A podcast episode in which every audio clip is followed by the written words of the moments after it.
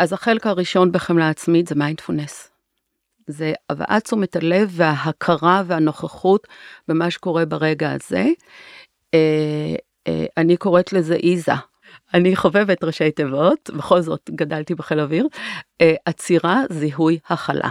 יפה. לעצור, להגיד מה קורה לי עכשיו, הכלה, ככה זה עכשיו, וזה בסדר.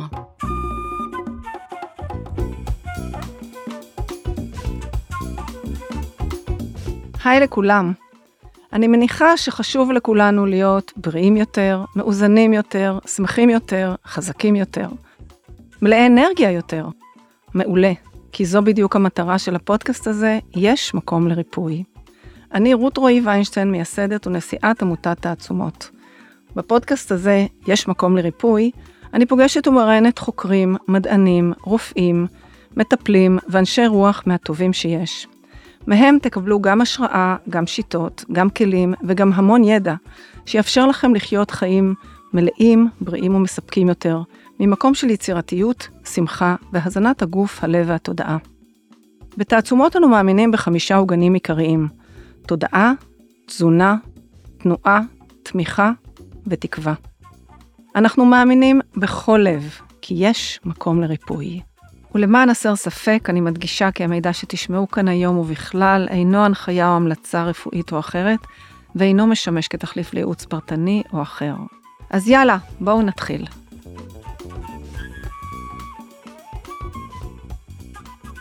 בוקר טוב לכולם, אנחנו שמחים שוב להיות פה, ויש מקום לריפוי. אה, ואנחנו, אני רוצה הפעם לארח, אה, אני מארחת הפעם, לא רוצה, אני מארחת הפעם את אה, חברה טובה וותיקה שלי, אנה נווה לדרמן, שעיקר עיסוקה הוא פסיכותרפיה, היא מורה למיינדפולנס, מנחת קבוצות, ועוסקת הרבה בנושאים של חוסן, חוסן נפשי והתמודדות עם קשיים ומשברים ואתגרים בחיים. ואנחנו כאן לא בכדי. אה, והפעם אנחנו בחרנו לדבר על חמלה עצמית. אה, ההגדרה בבודהיזם שאני מאוד מאוד אוהבת, ונשבתי בקסמה כבר לפני הרבה שנים, זה שמגדירים חמלה לאחוז בעולם ברכות, שזה מאוד פיוטי ומאוד יפה. וכל המקום הזה של חמלה בכלל, שהיא טבענו בעצם העמוק ביותר, שהיא נובעת מהוויית הגומלין ההדדית של כולנו עם כולנו, עם העולם. כל המקום הזה של חמלה וחמלה עצמית הוא מקום מאוד מאוד משמעותי בכלל, אני חושבת, בחיים, ובטח ובטח כשאנחנו מתמודדים או עוסקים בריפוי והחלמה. אז אנחנו נדבר קצת על מה זו חמלה עצמית, מה זו חמלה, מה זו חמלה עצמית, למי זה מתאים ולשם מה, מה אנחנו יכולים לעשות כדי לפתח חמלה עצמית, כי אנחנו הרבה פעמים במקומות של משברים שוכחים בכלל שיש דבר כזה. איך אנחנו, מה הערך של החמלה עצמית, בשביל מה אנחנו בכלל צריכים את זה? מה, מה זה נותן לנו בחיים? ואיך אפשר באמת אה, להרגיש חמלה או להיות בחמלה עצמית בלי רגשי אשם, בלי שיפוטיות, בלי ביקורתיות, אלא להיות את זה. אז על זה אנחנו נדבר היום, כי באמת גם אנה וגם אני הרבה עוסקות בתוך, בתוך המרחב הזה אה, מדברות על המרחב הזה, הרבה בתוך המרחב הזה, שבאמת זה מפתח מאוד מאוד מאוד משמעותי לחיים. אגב, גם מבחינה רפואית. כאילו, גם מבחינה נוירולוגית, יש מחקרים רבים שמדברים על האמפתיה ועל החמלה בתור דבר שהוא מרפא, שהוא חלק טבעי מהמוח שלנו. וקיים מעגל נוירונים שיוצר חיבור אינטימי מאוד בין בני האדם בכל מפגש כמעט, עדיין לא בכל מפגש אנחנו מצליחים להביא את המקום החומל. אמ, אז מה אנחנו, אז אנה, אנה נווה לדרמן, למה אנחנו מתכוונים שאנחנו אומרים חמלה? אז יש את ה... קודם כל, תודה שהזמנת אותי לפה. באהבה גדולה. תענוג גדול, אה, זכות גדולה. תודה. אמ, אז אוקיי, אז יש את אה, הרבה הגדרות לחמלה. אמ, אני אומרת אה, שחמלה היא אה, פעולה. זה לא רק מה אנחנו מרגישים, אני אוהבת את זה, אלא זה גם איך אנחנו מתנהגים עם מה שאנחנו מרגישים. ובשבילי הדוגמה המאוד מובהקת לחמלה, אה, זה שאם מישהו הולך ברחוב ועגלה של תינוק מידרדרת לכיוונו, הוא יעזוב הכל ויקפוץ לעצור את העגלה. הוא לא יגיד, אה, ah, התינוק הזה של השכנה המעצבנת שידרדר. אה, יש את התנועה הטבעית מאוד ומאוד ספונטנית של זיהוי שיש פה סבל, שיש בעיה, עם מוטיבציה לעזור. וזה אה, מביא אותי להגדרה היותר אה, מודרנית או יותר מערבית של חמלה, כפי שניסחו את זה גרמר ונף, שהם המורים המובילים בעולם אה, לנושאים של חמלה וחמלה עצמית בעיקר, זה שחמלה מוגדרת כמודעות לסבל וכאב, אנחנו בבודהיזם עושים את ההבחנה בין סבל וכאב, אבל לצורך הנוחות של התקשורת לאו דווקא נבדיל ביניהם. מודעות לסבל של אחרים ושל עצמנו, זאת פואנטה, אה, יחד עם הפעלה של מערכת הדרייב, שזה אומר הרצון להקל על הסבל. זה לא אומר שבהכרח נוכל לעשות משהו. כשאני רואה קבצן בצומת, זה לא אומר שאני אקח אותו הביתה, אקלח אותו ואתן לו לישון איתי. אבל גם אם בלב מערכת הדרייב שלי מופעלת ויש לי את ה-wish well בלב של להגיד מי ייתן ותשתחרר מהסבל, מי ייתן ותוכל למצוא מענה למצוקות שלך, זה החלק המשמעותי בחמלה של האקשן, שזה הולך ביחד. מאוד יפה בעיניי, את מגדירה את זה, מקסים. אז, אז, בעצם, אז בעצם לכל אחד מאיתנו יש את הדרייב, את המוטיבציה הפנימית הטבעית שלו. לגמרי. והיא באמת, אה, ורואים את זה הרבה גם בארץ, שבאמת אה, הקפיצה הזאת לעזור, אה, אפילו את יודעת, אפילו בלי אנשים שהם באמת מודעים לסבל ויודעים את כל התורה הזאת, נכון. זה משהו מאוד מאוד בלתי אין. לגמרי. של כולנו. אה, כן, אה, טוב, אני, אני לא יכולה אה, להתאפק מלהגיד לך שלצערי הרב זה פחות ופחות. אה, אה, הייתה לי תאונה של פגע וברח לפני הרבה שנים, נתקעתי באמצע הצומת עם אוטו מעוך. לא רק זה שאף אחד לא יצא לעזור, אלא שעוד צפצפו לי שאני עוצרת את התנועה, ולעומת זה בניו יורק נפלתי, אה, סתם ברחוב על המדרכה, ותוך רגע אה, הגיעו עשרה אנשים לעזור לי והושיטו לי לשתות, אז לצערי אני כבר לא יכולה להגיד שזה תנועה טבעית שהיא בארץ מיוחדת. אני חושבת, ובכלל, אני חושבת שזו תנועה אנושית טבעית של כולנו. לגמרי, שלמרבה הצער, שלמרבה הצער מאבדים אותה. כשאת מדברת על מודעות לסבל וכאב של אחרים ושלנו, זה כבר דבר שאנחנו מפתחים, זאת אומרת, המודעות היא מודעות מתפתחת. בניגוד לדיברנו על מוטיבציה פנימית להיטיב או לעזור, אז המודעות לסבל הזה היא בעבר מתפתח, שצריך לתרגל אותו, לעבוד איתו, אה, להבין אותו, להעמיק בו.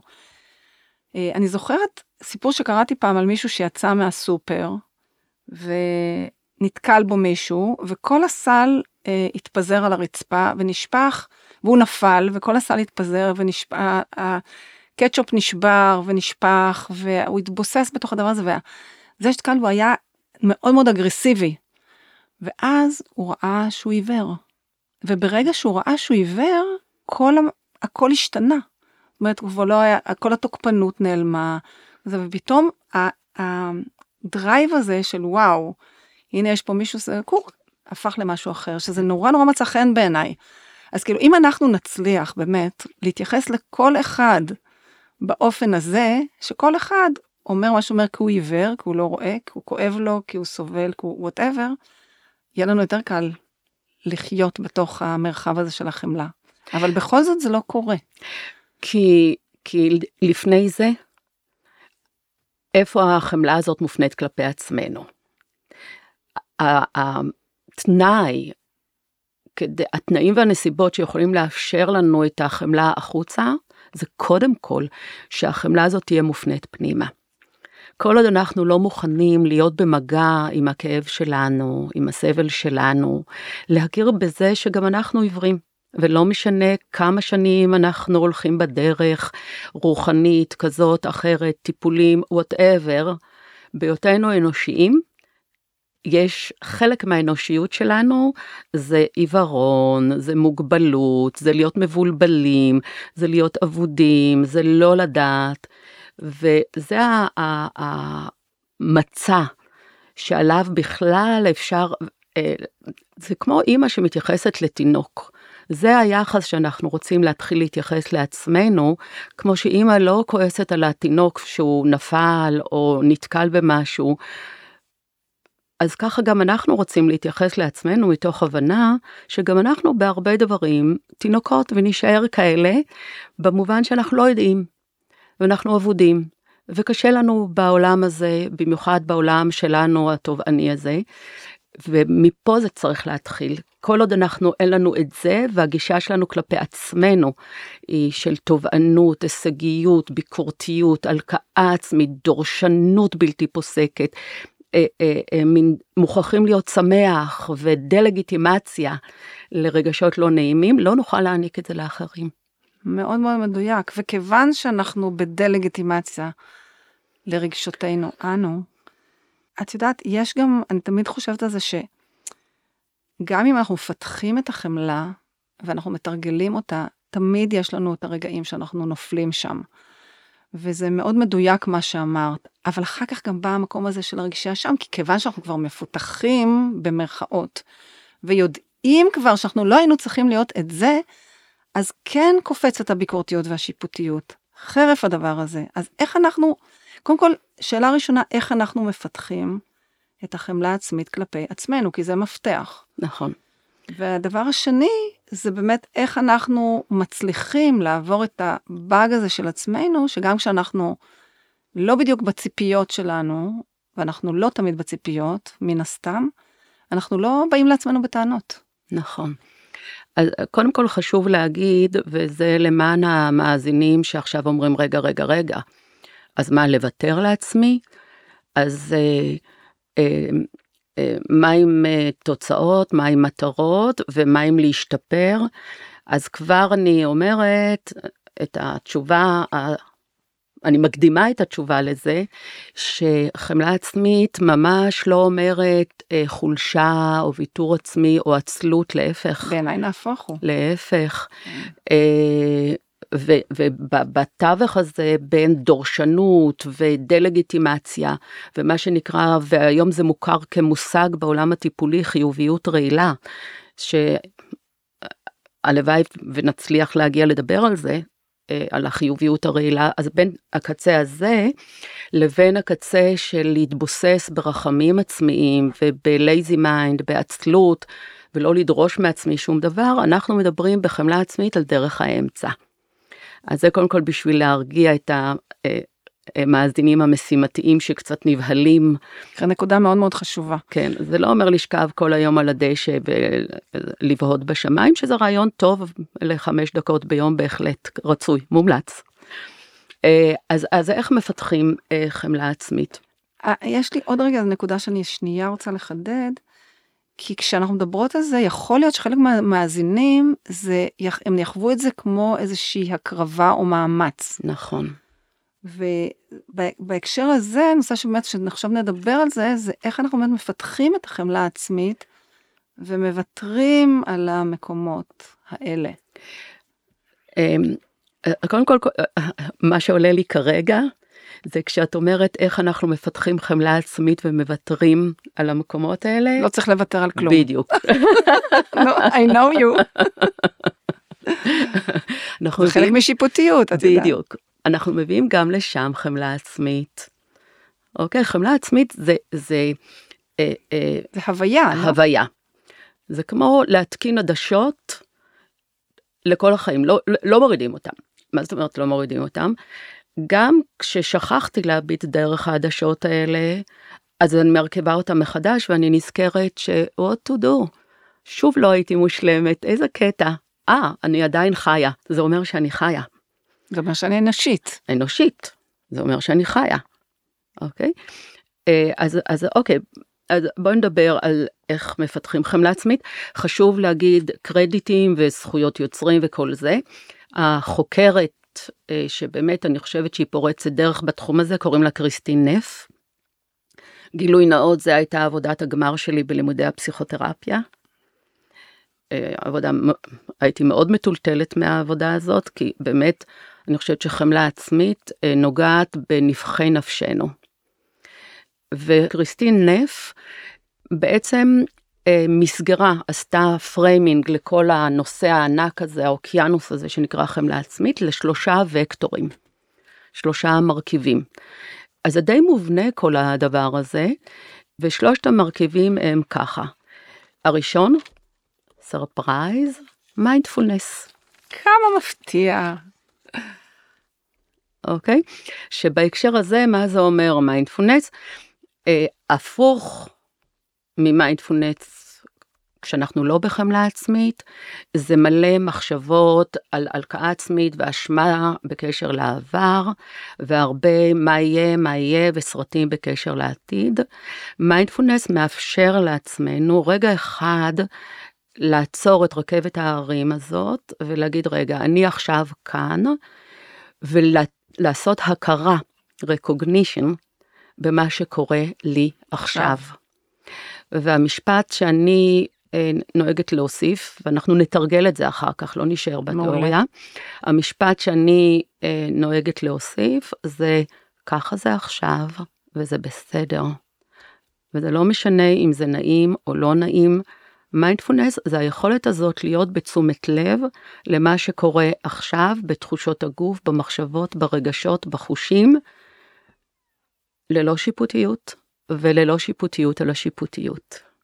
נקודה מאוד חשובה, ללא שיפוטיות על השיפוטיות. לגמרי. מאוד. אה, ואני לא מכוונת את התנועה, אני לא מחפשת פתרון. הרבה פעמים החיפוש הפתרון, האובססיה לפעמים לפתרון, זאת הבעיה. נכון. אז... זאת אומרת להיות בתוך הסיטואציה של המיינדפולנס ללא מאמץ, לא? כי... וללא שיפוטיות על המאמץ. כן. ולזהות גם כשאני במאמץ. הדברים. כן. וגם לזהות את המאמץ ולהגיד, אהה, הנה אני מזהה את המאמץ. זה מה שזה. ובאמת, תכף אני אעבור לשני המרכיבים האחרים, אז זה יתחבר, אבל קודם כל, זה ההכרה בזה שעכשיו כואב לי. ההכרה בזה שעכשיו אני בסבל, וזה בסדר. ככה זה עכשיו, וזה בסדר. אני חושבת שמה ש... הנקודה שנוגעת בה היא מאוד מאוד חשובה, ואני הייתי אולי מוסיפה שככה זה עכשיו וזה בסדר, וגם זה משתנה. נכון. זאת אומרת, ההבנה העמוקה שכל מצב משתנה, נכון. טוב או רע, נכון. נכון או לא נכון, יפה או לא יפה, משתנה.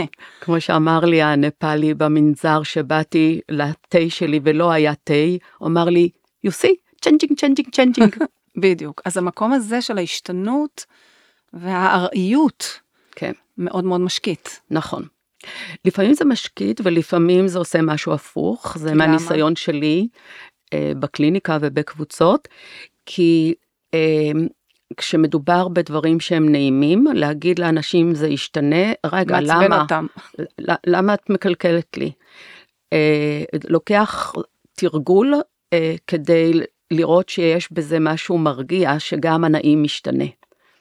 זה פרדוקס כזה, אבל זה לוקח זמן, אה, ואני יכולה להבין את זה. אה, הייתי בחופשה, בהחלט התבאסתי שזה נגמר. אוקיי, ההבדל הוא האם נצמדים לבאסה הזאת, נכון. או שאומרים, כן, באסה וממשיכים הלאה בידיעה ש-what to do, אה, כן. בגלל זה אני אומרת, ככה זה עכשיו. כשאני אומרת ככה זה עכשיו, העכשיו הזה מזכיר ל mind שזה עכשיו, כן. וזה לא אומר כלום על הרגע הבא, אבל בצורה שהיא לא אה, לא עושה, אה, אה, לא מאמתת עם הארעיות הזאת, שזה הוויה מאוד מאוד קשה לעיכול לרוב האנשים.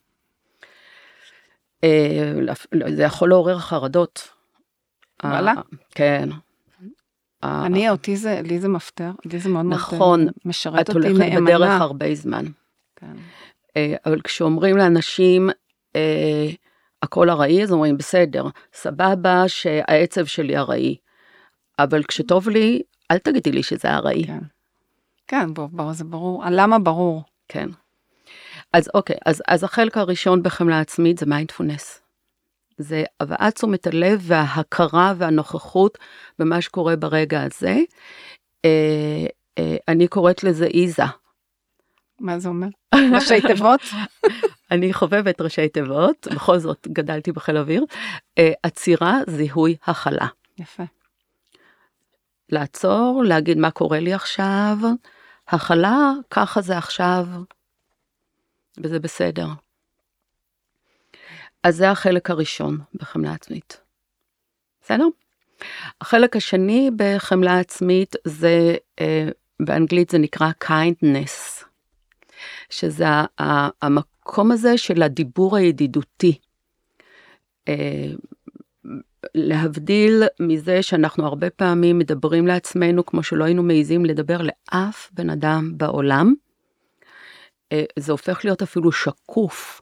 כשאני אומרת לאנשים, בואי תגידי לי בקול רם את המחשבות שלך, לא, לא, לא מזהים את זה אפילו, מרוב שזה חוזר על עצמו כל כך הרבה פעמים, כבר קשה לזהות את התוכן של המחשבות האלה, הביקורתיות. אה, הדיבור הידידותי הוא, הוא בא מתוך הגישה הסובלנית ומתוך המקום הזה שאנחנו רוצים להתייחס לעצמנו כמו אימא שמתייחסת לילדה האהוב, כמו שאני מתייחסת לחברה טובה. אני לא אגיד לה, התפוקה, איך נכשלת, אוקיי? אה, איך אומרים מיר אנמי, האויב הקרוב של הדבר הזה זה חיוביות רעילה. על זה אני רוצה שנדבר אחר כך, כן. רשמתי לי. כן. אה, אז אנחנו לא רוצים להיות בחיוביות רעילה, אבל אנחנו אה, גם לא רוצים להיות בקצה של ביקורתיות והאשמות והלקאה, אלא המקום הזה של אה, אה, להגיד, אה, אני יודעת שאני טובה, אני, להגיד לעצמי מילים טובות. ואם אני לא מוצאת על מה, אם האירוע הוא מאוד מציף, אז אני אמצא משהו להגיד על זה שוואלה, השמלה שאני לובשת יפה. תמיד משהו, למצוא משהו חיובי. משהו מיטיב, כן. משהו ידידותי, אוקיי? אה, אה, שמאפשר הרחבה ונכונות להכיל את עצמנו גם ברגשות הלא נעימים, בטעויות, בכישלונות. כן, יש כישלונות, יש טעויות, so, בסדר, זה חלק מהחיים שלנו. אה, אה, במשברים, להיות שם המקום הזה של לשים על עצמנו יד רכה בדיבור ידידותי, להבדיל מהדיבור התובעני, המאשים, המלכה. אחד מהדברים המאוד קשים זה שאנשים עסוקים בהרבה אה, האשמות והלקאות על העבר, ואני, המשפט שאני אומרת גם לעצמי, כי אני לא משוחררת מכל הדברים האלה. אף אחד מאיתנו לא משוחרר, כן? עדיין. לא, ממש לא, יש, לי יש לפחות עוד 70-80 גלגולים. ואם את זוכרת, את יודעת חמודה שלי, פעם הייתי אומרת, אולי, אר... אולי 800, מי יודע. פעם הייתי אומרת 40, זה הולך וגדל. זה המשפט If I could I would, If you could you would. Mm-hmm, יפה. הייתי צריכה, לא, לא, לא הייתי צריכה. גם עובדה שלא הייתי, שלא עשיתי, אז עובדה. זאת המציאות. אה, אז זה החלק השני. kindness ודיבור ידידותי.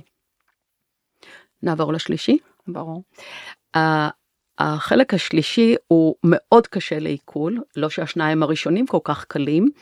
החלק השלישי זה, אה, קריסטין נף קוראת לזה common humanity, אה, בעולם של הפסיכולוגיה החיובית האמיתית, לא תחשוב טוב יהיה טוב, בעולם של ה-happiness science, מה שנקרא, אה, זה נקרא הרשות להיות אנושי. אחד הדברים שכשאנחנו במצוקה, התחושה היא של בדידות מאוד גדולה, וחלק מהדיבור הלא ידידותי זה רק לך, מה לא בסדר בך, משהו אצלך דפוק.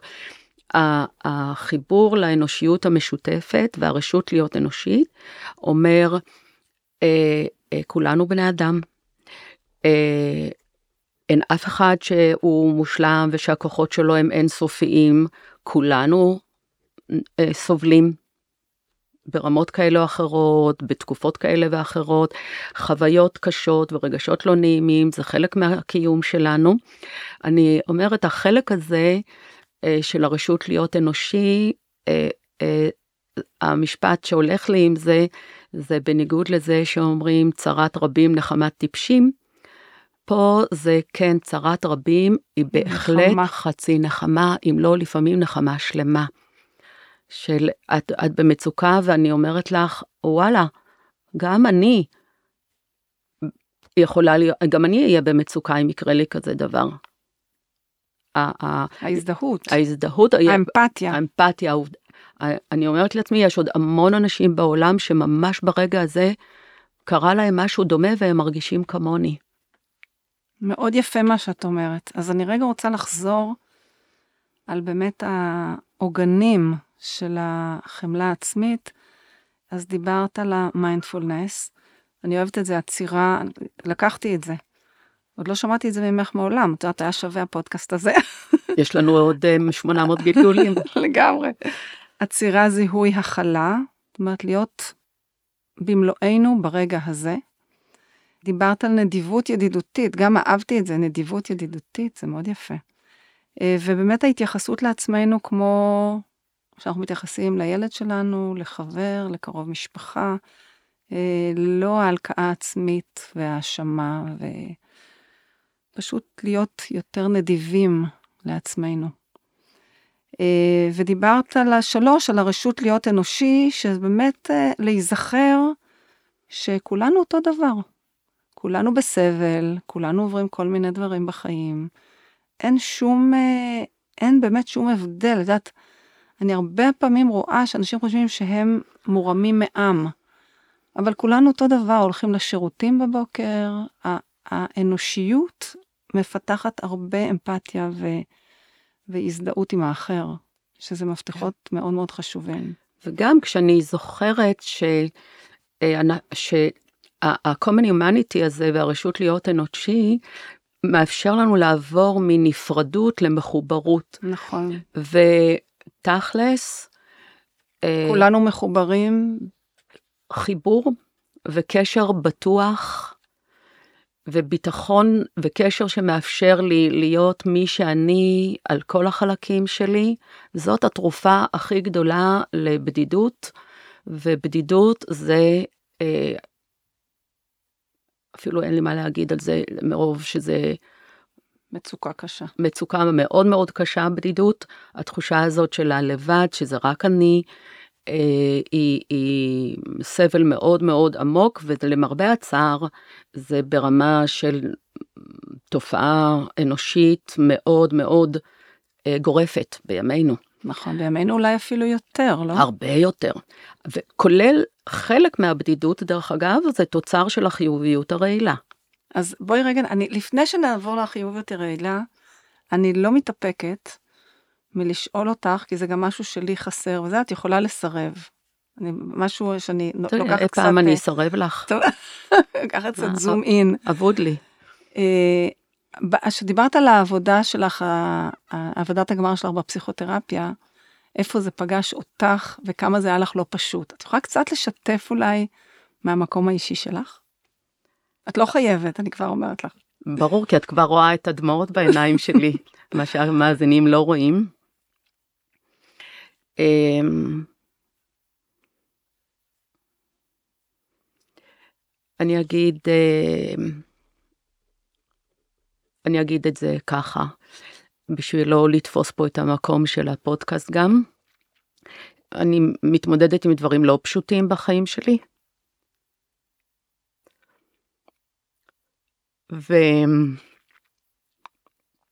וברגע זה ממש אני אומרת לעצמי, זה בסדר שיש לך דמעות, את אנושית.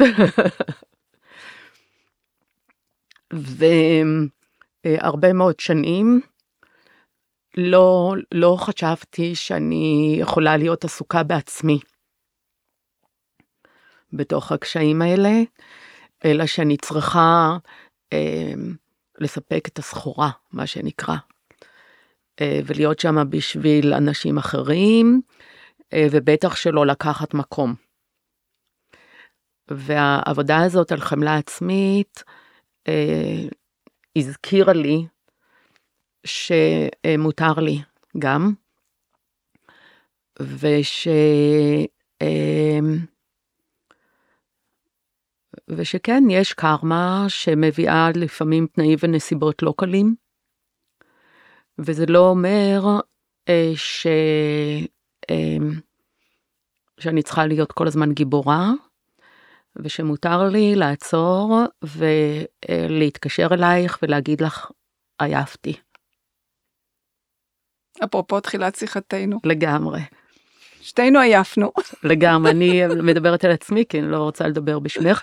וש, וזה בסדר, זה, זה בסדר, ו, וזה לא אומר ש...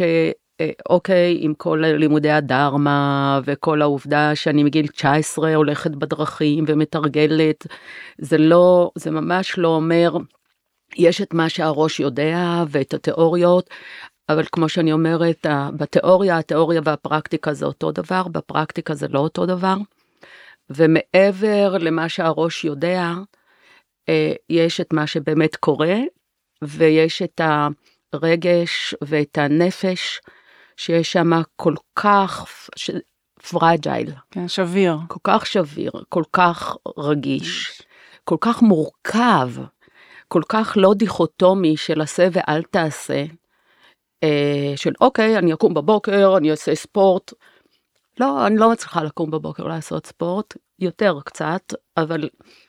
ו, וכן, אה, אז אה, כל הרעיון הזה של חמלה עצמית עשה לי שינוי מאוד מאוד גדול בחיים.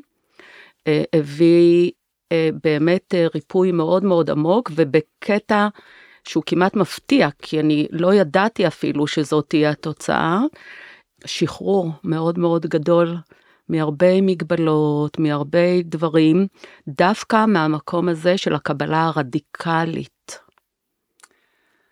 אני מרשה לעצמי, גם בשידור, על אף שאנחנו חברות נפש קרובות ואני מכירה את סיפור חייך, כשאת מדברת על השינוי ועל הריפוי המפתיע שפגש אותך ב...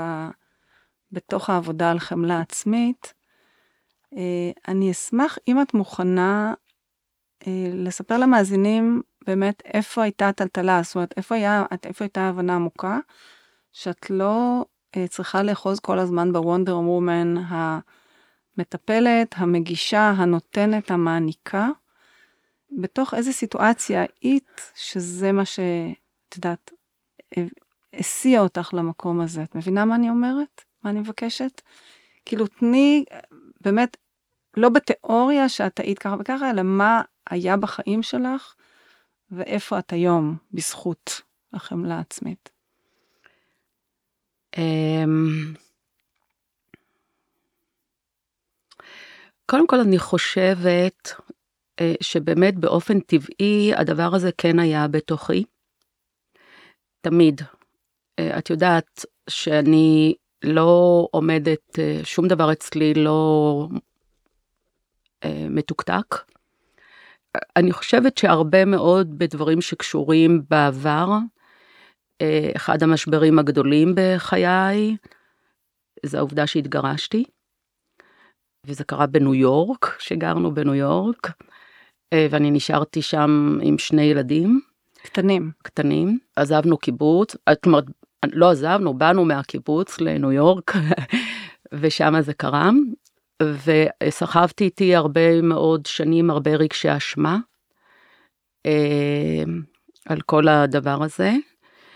אה, ואני חושבת, מהדברים שאני מוכנה לחשוף פה, יש עוד, מי שרוצה יקבל אה, אינבנטר. יקבל רשימה. כן, אה, אבל כרגע זה הדבר שאני מוכנה אה, לחשוף פה. הרבה שנים סחבתי הרבה רגשי אשמה, אה, והיום אני סוחבת חצי מרגשי האשמה של אז. זאת אומרת, זה פחת, אני לא יכולה להגיד שלא בכלל, אבל הריפוי הוא בזה שגם כשאני היום מרגישה, את רגש, פוגשת את רגשי האשמה, יש לי חמלה כלפי זה. ואני אומרת, ככה זה עכשיו, כן, עכשיו יש אשמה. וזה בסדר, ככה זה עכשיו. אה, ומלא אנשים בעולם, אה, אה, רוב האימהות, אני חושבת, יש להם בצורה כזאת או אחרת איזשהם רגשי אשמה, אז אני לא היחידה, ואני נוכחת לפיתה של זה, מבלי לרצות לפתור את זה. בדיוק מה ש... נקודה מאוד מאוד חשובה. כן. אני נוכחת ללפיתה. הזאת, אה, מבלי להיות עסוקה באוקיי, לתת. לראש לנהל אותי, להגיד אין לך מה להיות אשמה, את זה, את אימא מדהימה. אה, אוקיי, אה, אני אימא מדהימה, אני, ועדיין, זה מה שנוכח ברגע נתון. ואיזה קטע, מתוך זה שאני כן מאוד מאוד מופנם אצלי ההבנה שהכל ארעי ומשתנה, אני גם, זה אה, מאוד מיטיב איתי, אני נוכחת ללפיתה של זה, ובדיוק כמו שכשאני יושבת במדיטציה יש גירוד והוא עובר, אז גם הלפיתה הזאת עוברת. אחר כך מגיעה לפיתה אחרת, נכון. ו- וגם זה בסדר, והמקום הזה של הוויתור על המאבק, אה, והגדלת המכל לקבלה מאוד עמוקה ורדיקלית, אה, מפנה המון אנרגיה ו- ומאפשר מקום להניח את עצמי בתוכו. מה שאחד, אני, אני העתקתי עכשיו ביטוי שמישהי בקבוצה אמרה לי השבוע, שהשעתיים האלה בשבוע זה הזמן שבו היא מנ- יש לה מקום להניח את עצמה. ואני חושבת שזאת משאלת לב של של כולם, כולנו. כל כך יפה. שיהיה רגע מקום להניח את עצמנו. אימא שלי תמיד הייתה אומרת, בואו ניקח רגע להניח את עצמנו. מה, כן, באמת? את הכרת אותה טוב, אוי, טוב, היא הייתה. מלידה היא הייתה זה. אה, רינה אהובה. אהובה, אהובה, חסרה לנו מאוד. אני חושבת שאמרת פה נקודה מאוד מאוד מאוד חשובה, גם להולכים בדרך הריפוי, אבל גם בכלל, אה, שזה באמת ויתור על המאבק. הוויתור על המאבק אה, מאפשר או, או מביא אנרגיה וחופש פנימי מאוד מאוד מאוד גדול. נכון. ומי כמוך שיודעת גם את נסיבות חיי המורכבים והמאתגרים, אה, אני חושבת שזה אחד הדברים שמאוד מאוד עוזר לי ביומיום. המקום הזה של אין, אין במה להיאבק ואין במי להיאבק. נכון. רפסודה ריקה. המקום הזה של הריקות הוא מקום שמשחרר מהמון המון אה, צורך ל. נכון. אז אה, בנקודה הזאת המאז, יש מאזינים אומרים, מה זאת אומרת לא להיאבק? אז נהיה קורבן? קודם כל גם להיות קורבן, מדי פעם זה בסדר. כולנו in a way קורבנות של כל מיני לא, דברים. כאילו, זה קורבני. השאלה היא מה זה קורבן, אה, בואי, זה בסדר, אני לא נבהלת מכל ה... זה- הגדרות. זה לא בעיניי, את מתקרבנת עכשיו. וואלה, כן, אני מתקרבנת. אה, קודם כל אני מהעדה הזאת. אה, שניים, כן, זה חלק מהמנעד האנושי, מדי פעם להתקרבן, אני לא נבהלת מזה. שום דבר הוא לא תפוח משתק. אדמה לוהט כן. שאני צריכה להדוף. ו...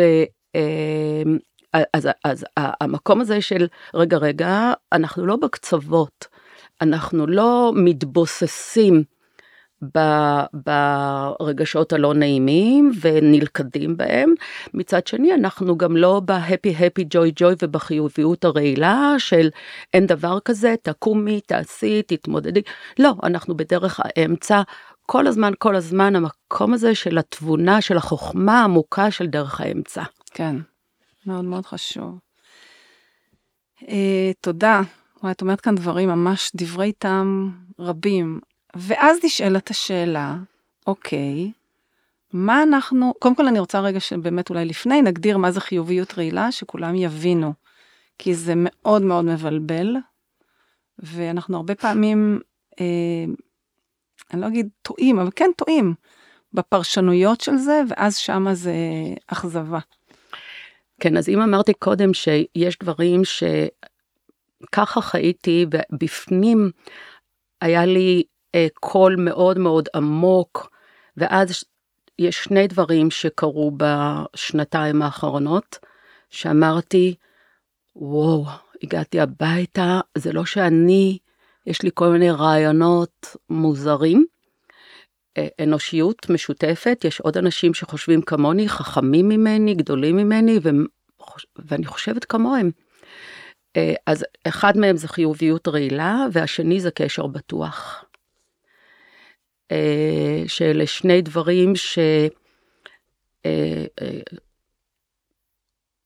וואו, קשר בטוח זה מחייב פודקאסט נפרד, אנחנו רק נסביר מה זה כן. שלטובת המאזינים. כן, אה, החיוביות, אבל נתחיל מחיוביות רעילה.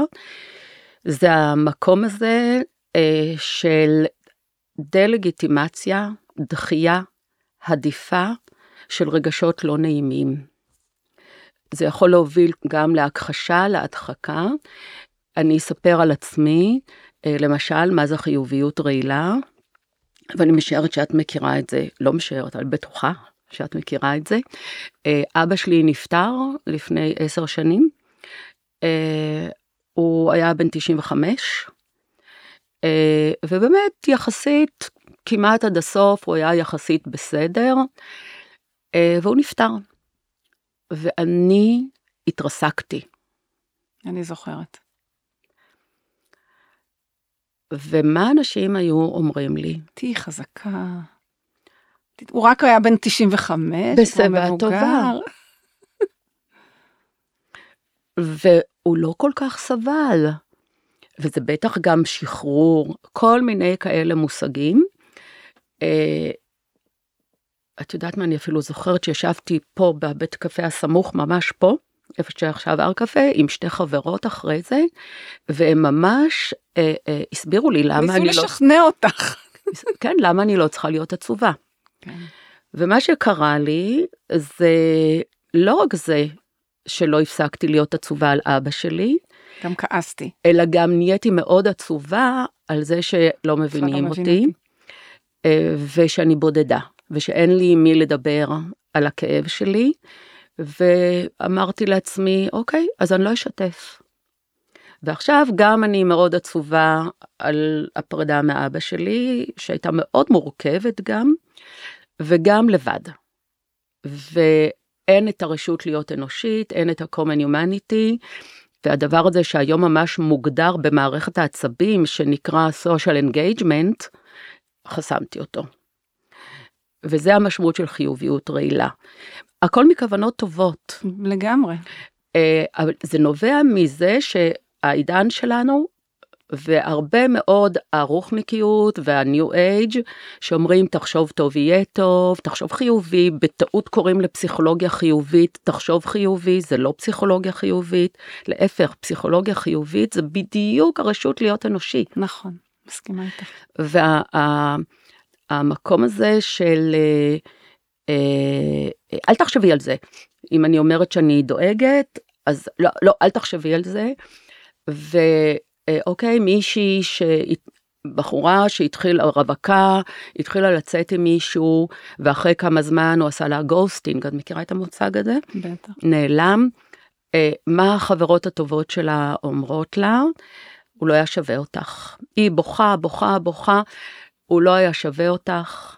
אה, היא נטולת חמלה לעצמה באותה עת, כי זה מה שקורה לנו בעיתות משבר, אנחנו שוכחים חמלה עצמית, מה לא בסדר בי, אני בחיים לא אמצא אף אחד, והן אומרות לה, אה, אה, הוא לא שווה אותך, אה, יש עוד הרבה דגים בים, מזל שזה קרה עכשיו ולא בעוד חצי שנה, ומה קורה לה? היא אומרת, אני באמת תפוקה. ואני לא אספר, אני לא אדבר על זה יותר עם אף אחד, כי פעם אחת אני תפוקה שהוא עזב אותי, ופעם שנייה אני תפוקה בזה שקשה לי שהוא עזב אותי, משהו אצלי לא בסדר, שאני לא חיובית.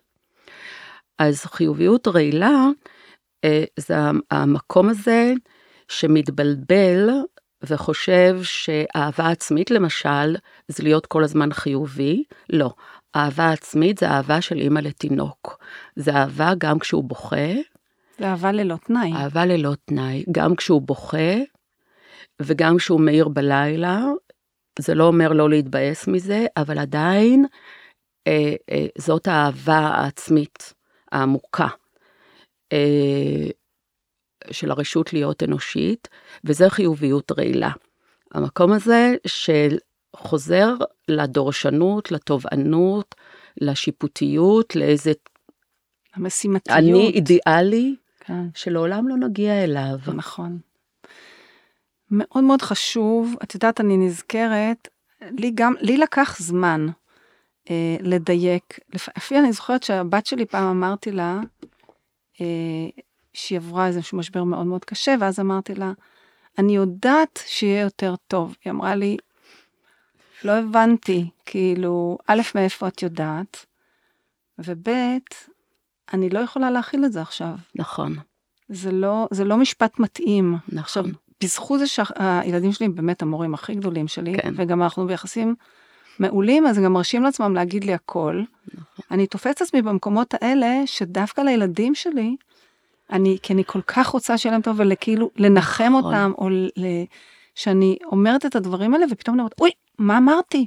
ובכלל לא הזמן, במקום להיות איתה במשבר, בקושי, בכאב, אני ישר, את יודעת, ישר לוקחת את זה נכון. אז נקודה סופר חשובה, ואני חושבת שבאמת כולנו, אני אגיד חוטאים, כי החיוביות, כי זה מאוד מאוד מתעתע.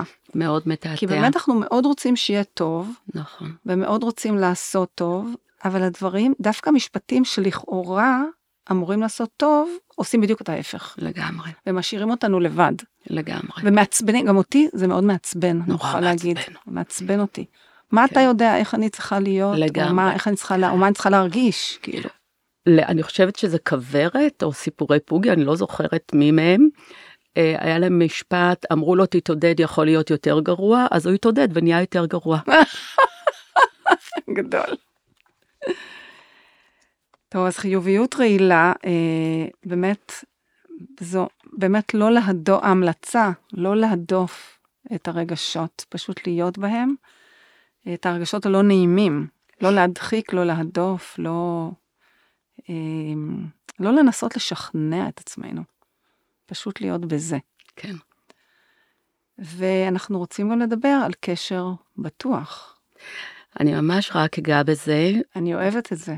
כן, אוי, זה כל כך... מה זה אומר גם, את יודעת, ישר עולה לי מה זה אומר בטוח. בואי נדבר על מה זה ביטחון ומה זה בטוח. אוקיי. אז בתור uh, תלמידת דרמה, בהתחלה כולי זעקתי. הרי מה זאת אומרת ביטחון? אין ביטחון. איזה מין attachment זה, מדברים על attachment, אבל אין attachment, מה זה, זה לא טוב attachment. וואי, ממה, אוקיי, אני אגיד ככה, אה, ובאמת אני רק שמה את זה פה, כי אני רוצה גם שנתרגל. אוקיי. אה, אז אני ממש רק שמה את זה פה, אה, ורק להגיד שאני לומדת, אני תלמידה של הגישה הזאת אצל מורה מופלאה. מופלאה שנקראת טלי גרנות. אה, זו גישה שהיא מבוססת EFT, emotional focus therapy, זה לא הטיפופים. emotional focus therapy, אבל מה שהיא מלמדת זה הרבה יותר רחב מה-EFT.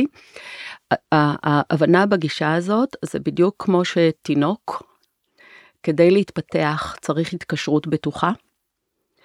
ככה אנחנו זקוקים כל החיים להתקשרות בטוחה. והתקשרות בטוחה זה בזוגיות, אבל זה גם בינינו. אנחנו לא מדברות כל יום, אבל יש בינינו התקשרות בטוחה.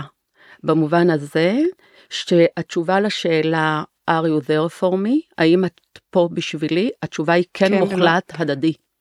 מאוד יפה. אוקיי? והביטחון הוא שזה קצת כמו, אני למדתי שיאצו, אצל שיאצו master יפני, אה, אוהאשי, ואחד הדברים אה, שמאוד נשארו לי חזק, שזה נכון מבחינתי לחיים, זה שבטיפול, אה, במגע, תמיד יש מה שנקרא היד האם. ה-mother hand, שאם אני רוצה לעבור למשל מהרגליים לראש שלך, תמיד אני אשאיר אפילו אצבע במגע, כדי שאת תרגישי בטוח שאני נמצאת, שלא תצטרכי להגיד רגע איפה היא ואולי הטיפול נגמר. ואותו דבר בכל מערכת יחסים, זה הידיעה הזאת אה, אה, שאנחנו, שהקשר הוא בטוח. גם במקומות של, ואפשר להביא פגיעות ושבירות, וזאת הנקודה. זה נקודה מאוד משמעותית. וזאת הנקודה, שאני יכולה להביא פגיעות ושבירות, ומותר לי גם לטעות ביחסים בינינו, ושאפשר, אנחנו יכולות לתקן, וש, ושיש מקום לפגיעות ולשבירות, ויש מקום שאפשר, אני יכולה להניח ראש, ולדעת שאני יכולה להניח את עצמי. ושהוא נמצא שם, היא נמצאת שם, אה, ואני לא צריכה להעסיק את עצמי, אפילו בצורה לא מודעת, אה, של אה, האם אני לבד, האם היא פה, האם הוא פה, ומה, ומה קורה, וגם כשאני נבהלת, אז זה בסדר, זה acceptable, והמקום הזה של קשר בטוח הוא לא ה-attachment, ההאחזות, שזה מאוד מבלבל גם. זה מאוד מבלבל, בגלל זה אמרתי צריך על זה פודקאסט איזה פודקאסט נפרד, נפרד, זה מעניין אותי מאוד. וגם המקום הזה של, אמ, מה רציתי להגיד? דיברת תלות, על האחיזה. תלות. אה, attachment, יש attachment לא בריא ותלות לא בריאה, אבל אה, אנחנו זקוקים כולנו, וזה, וואו, אנחנו כולנו זקוקים לתלות. זה במובן אנחנו- של ה-interbeing, נכון, אנחנו של הזיקת בתלות, גומלין. אנחנו בתלות בדיוק. הדדית בלי, אנחנו הרי תלויים בדיוק. כולנו בכולנו בכל דבר. בדיוק. זו ו- הבנה מאוד מאוד הביטחון. עמוקה. וזה הביטחון, שזה אנחנו תלויים ממילא, אז בואו נעשה את זה תלות בריאה, ונשתמש בזה למערכות יחסים שנותנות לנו ביטחון ומקום שאפשר לנוח בו. ויש לי המון המון שאלות על זה, אבל בואי, בואי נגיד שאנשים שחווים הרבה, הרבה אכזבה מרגש, מ, מקשרים שהם לכאורה היו קשרים בטוחים בשבילם, וזה טלטל אותם עד העומק, איך הם בונים אחר כך שוב אמון, זה אנחנו עושים על זה פרק, אני כבר אומרת לך. בכיף. איך לבנות אמון באמת בקשר בטוח אחרי שאתה לא פשוט. חוטף עוד פעם ועוד פעם. לא פשוט, ואיך להיות בחמלה עצמית ואיך אחרי בחמלה שאתה עצמית, חוטף. שוב ואיך ושוב. לגדול בתוך המרחב הזה. נכון, זה נכון. וואו. נכון. ואין ריפוי בלי קשר. אנחנו לא יכולים להיות לבד בעולם. קשר בטוח הוא ריפוי אולטימטיבי. קשר בטוח הוא ריפוי אולטימטיבי, תרשמו לכם את זה.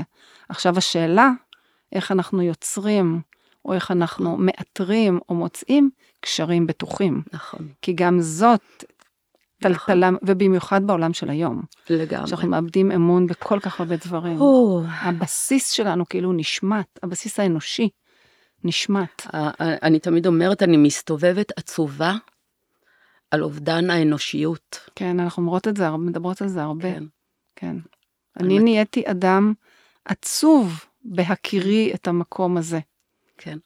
כן, בעצם הנוכחות למקום הזה, יש בי, אני לא אגיד אני נהייתי בן אדם עצוב, אבל יש בי עצב. יש בי עצב, נגיד את זה ככה. גם לי, המון. כן. אז, אז אני אומרת, פעם הייתי מוקפת מלא מלא חברים, והיום אני אומרת, אני מעדיפה שיהיו לי כמה? מעטים, אבל שהם יהיו קשר בטוח. אני ולכל השאר אני לא קוראת חברים יותר. אני באותו מקום בול. מעט מזל שאנחנו חברות. אנחנו חברות, ואת קשר מאוד בטוח בשבילי, ואני מקווה שגם אני. בשבילך. וזה לא. מותנה בשום דבר. נכון. שזה מה שבעיניי נכון. מאוד מאוד יפה. נכון. אז ביקשת, אה, ביקשנו כמה דקות לתרגול. כן. אה, אז אולי נצלול קצת לתרגול אחרי דברי הטעם, ובאמת, אני חושבת, את יודעת, אני, אני, אני ממליצה כבר לשמוע את הפודקאסט הזה שוב ושוב, כי יש פה דברים שהם באמת מכונני תודעה. ובפעם הבאה, שאנחנו אנחנו נדבר על קשר בטוח, וגם אני רוצה שנדבר בכלל על מהות התרגול. כן. כאילו, כי כל הדברים האלה זה לא בלדבר את זה או לקרוא על זה, זה בלהיות את זה. נכון. וזה דורש תרגול נכון. והתמסרות גדולה. נכון. אז לפני שניכנס לתרגול, כדי שנוכל לסיים בתרגול, יש שיר שמבטא בשבילי את מהות החמלה והחמלה העצמית אה, של סמדר ויינשטוק. אם תפגוש אדם שבור, שב איתו, על סף השבר הארור. אל תנסה לתקן, אל תרצה שום דבר. ביראה ובאהבת הזולת, ואני מוסיפה, ובאהבה עצמית, שב איתו, עם עצמי, שלא יהיה שם לבד.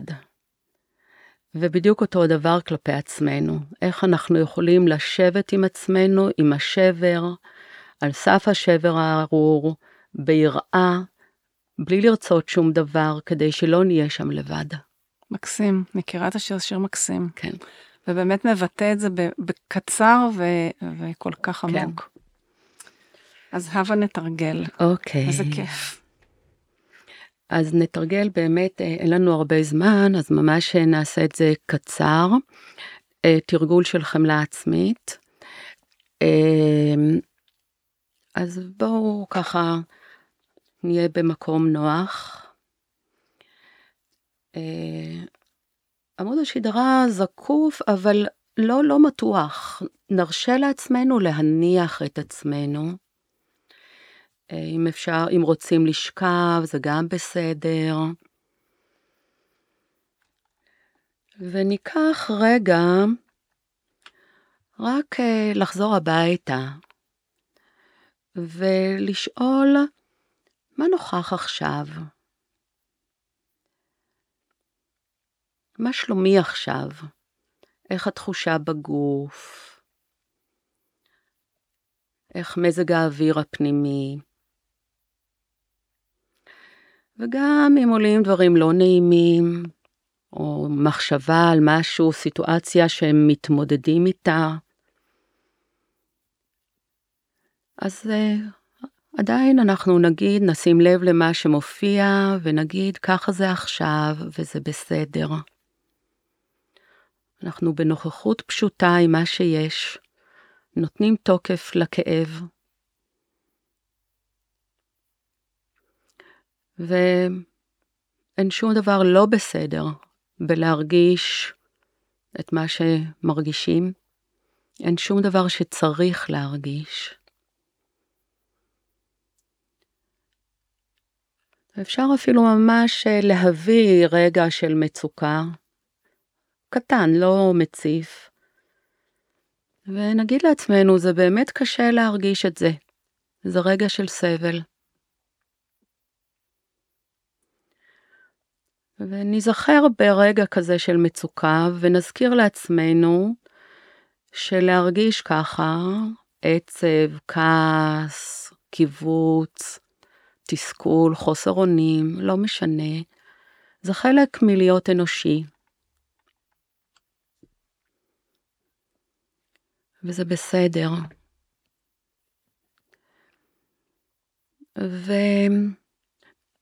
ולבסוף, ככה נביא לעצמנו את הגישה של הנוכחות האוהבת, של העיניים הטובות.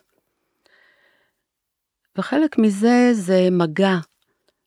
אז נשים יד על בית החזה, יד רכה ויד על הבטן.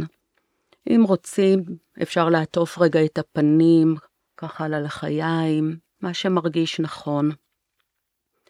נרגיש את החום של כפות הידיים, ונשים לב מה אני זקוקה לשמוע ברגע הזה, משהו נחמד, משהו נעים, של מבט אוהב, ונגיד את זה לעצמנו. מסר של תמיכה, ונגיד לעצמנו, זה בסדר לא להיות מושלמת. אפילו אנחנו יכולים להגיד, אני פה בשבילי, וזה בסדר. וגם אם אין מה להגיד, אפשר לדמיין מה היינו אומרים לחברה טובה, לילד, ולהגיד משהו דומה לעצמנו.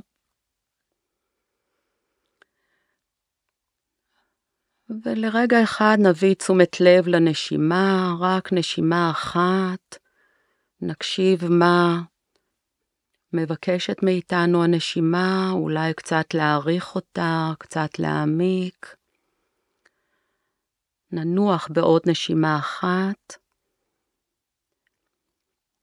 אנחנו לקראת סיום התרגול, נזכיר לעצמנו שיש לנו רשות להיות בדיוק כפי שאנחנו ברגע הזה.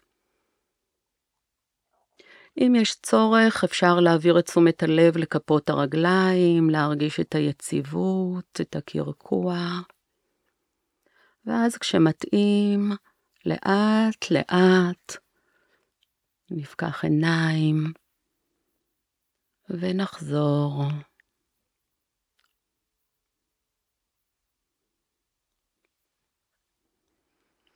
תודה, איזה כיף. לפני, ממש לפני שאנחנו מסיימים, מסיימות, אה, עלה לי ככה בתוך המדיטציה שאחד הדברים שמאוד מאוד עזרו לי, כי אני, כפי שאת יודעת, אדם מאוד משימתי, אה, זה ששמטתי את המילה צריך מהלקסיקון. פשוט שמטתי אותה. וזה מדהים, כי בהתחלה אמרתי, אז איזה מילה שמים במקום זה? והמק... ו... וה... רק המקום הזה כבר הוריד לי, או לא נגיד הוריד לי, העלה בי שקט וחופש שאי אפשר לתאר. נכון. רק להשמיט את המילה צריך. כולל צריך להיות שמחה. הכל הכל, כל הצריך בכל המובנים, בכל הכיוונים. אני צריכה לאהוב את עצמי. לא, כן. אני לא צריכה. כן, אז אה, זה ככה איזה טיפ קטן שעלה לי מהמם. במדיטציה עכשיו, תודה כן. על המדיטציה המופלאה. ואנה, איך, אה, איך מגיעים אלייך? את גם חלק מתעצומות מאוד, אנה אחת המתנדבות הוותיקות בתעצומות, איתי הרבה שנים בדרך, גם בדרך הדרמה וגם בדרך הריפוי וגם בדרך החיים אה, וגם בתעצומות, וגם אוטוטו בחוות הבריאות. אה, אז איך מגיעים אלייך? מה, את יכולה לתת טלפון? כן, הטלפון, להגיד טלפון? אה, 052 3 222 803. אה, יש לי אתר, אה, עושים אנה נווה לדרמן בגוגל. אה, יש לי קליניקה, אה, גם בבית, אה, באור יהודה. נווה סביון אמרו לי להגיד, זה יותר? פלצני. אבל אנחנו צריכים להיות מה שאנחנו, נכון? כן, אני משלמת ארנונה לאור יהודה, וגם בזום אני עובדת, יופי, זה אה, כדי טיפ לאפשר חשוב. לאנשים אה, שגרים רחוק, או בחו"ל, או שבמשבר בריאותי. חשוב לי כן להגיד משהו, כי אנחנו פה בהקשר של תעצומות, זה על זה שאני גם מאוד מאוד מזמינה אה, אה, caregivers, אנשים שתומכים ומלווים אה, אנשים שנמצאים במשבר, אה, להיעזר בהחלט. אה, ולהיתמך ולהיות בחמלה עצמית. אה, כי הנטייה היא לשכוח מרוב שמגויסים למען האדם שמתמודד, הראשי, אבל זה חלק מהעניין. אה, אז, אז זה הקליניקה. אני עושה קבוצות, אבל היום אני עושה קבוצות רק כשמזמינים אותי, עייפתי, חמלה עצמית, עייפתי. אה, אז איפה אפשר למצוא אותך בקבוצות למי שרוצה קבוצה? אז רק אם מתארגנת קבוצה, hopefully נעשה בתעצומות. אה, לא הופלי, אנחנו נעשה נעשה בתעצומות. בתעצומות, כן, אז תעקבו אחרי תעצומות, אחרי החגים, דיברתי כבר עם לירז, נעשה קבוצה אה, של כמה מפגשים. מעולה. אה, זה בעיקר. יופי. אז מה זה תודה? את יודעת, אנחנו מתראות הרבה, מדברות הרבה, אה, וכל פעם מחדש אני קודם כל מברכת על הקשר העמוק בינינו, שלא נראה לי אני. מובן מאליו, ממש לא, בטח לא היום.